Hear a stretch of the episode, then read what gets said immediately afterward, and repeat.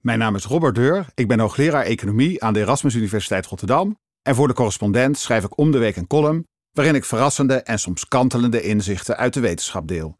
Dit keer gaat het over de vraag: wat heb je liever, een lage staatsschuld of een leefbare aarde? Komende weken gaat het erom spannen in Brussel.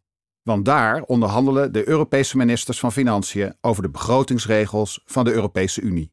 En er staat nogal wat op het spel. De financiering van klimaatmaatregelen en daarmee de leefbaarheid van de aarde in de toekomst. De grote vraag: mogen overheden zich verder in de schulden steken om klimaatverandering tegen te gaan? Hoe je het wendt of keert, de maatregelen die nodig zijn om de aarde leefbaar te houden en klimaatverandering enigszins binnen de perken te houden, kosten heel veel geld. Het gaat jaarlijks om ongeveer 1 tot 2 procent van het bruto nationaal inkomen.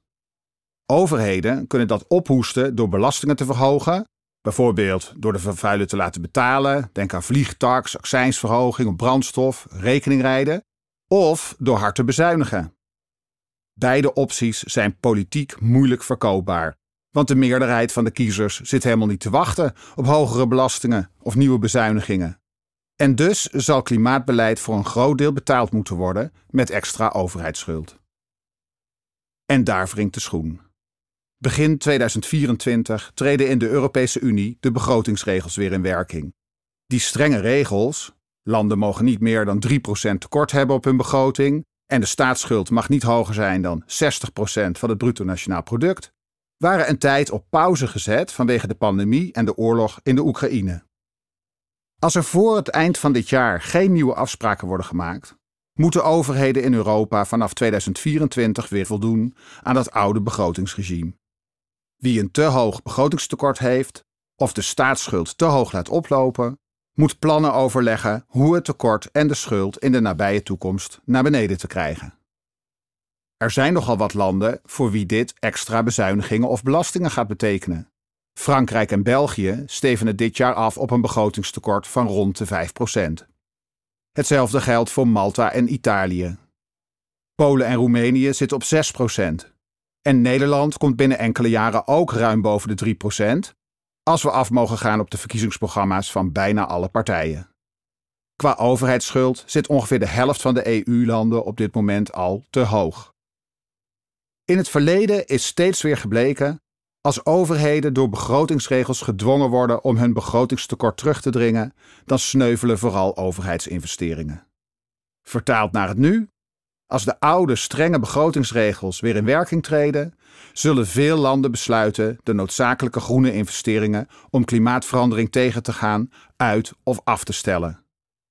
Het lange termijn gevolg? Een lage overheidsschuld, en dat is fijn voor volgende generaties, maar ook een veel sneller opwarmende aarde. Echt niet fijn voor de volgende generaties en onomkeerbaar. Gelukkig is er een oplossing. Je kunt de begrotingsregels zo herschrijven dat landen die meer groene investeringen doen, een hoger tekort mogen hebben. De meest vergaande versie van zo'n aangepaste regel staat voor elke extra euro groene investering een extra euro tekort toe. Dit wordt ook wel de groene gulden financieringsregel genoemd. Er zijn ook varianten die minder ver gaan, waarbij een overheid bijvoorbeeld tot een maximum van 1 of 2 procent van het bruto nationaal inkomen extra mag lenen om groene investeringen te doen. Dit zorgt ervoor dat het tekort en de schuld niet buitensporig toenemen, laat staan op een explosief pad raken. Loop je dan geen risico op greenwashing?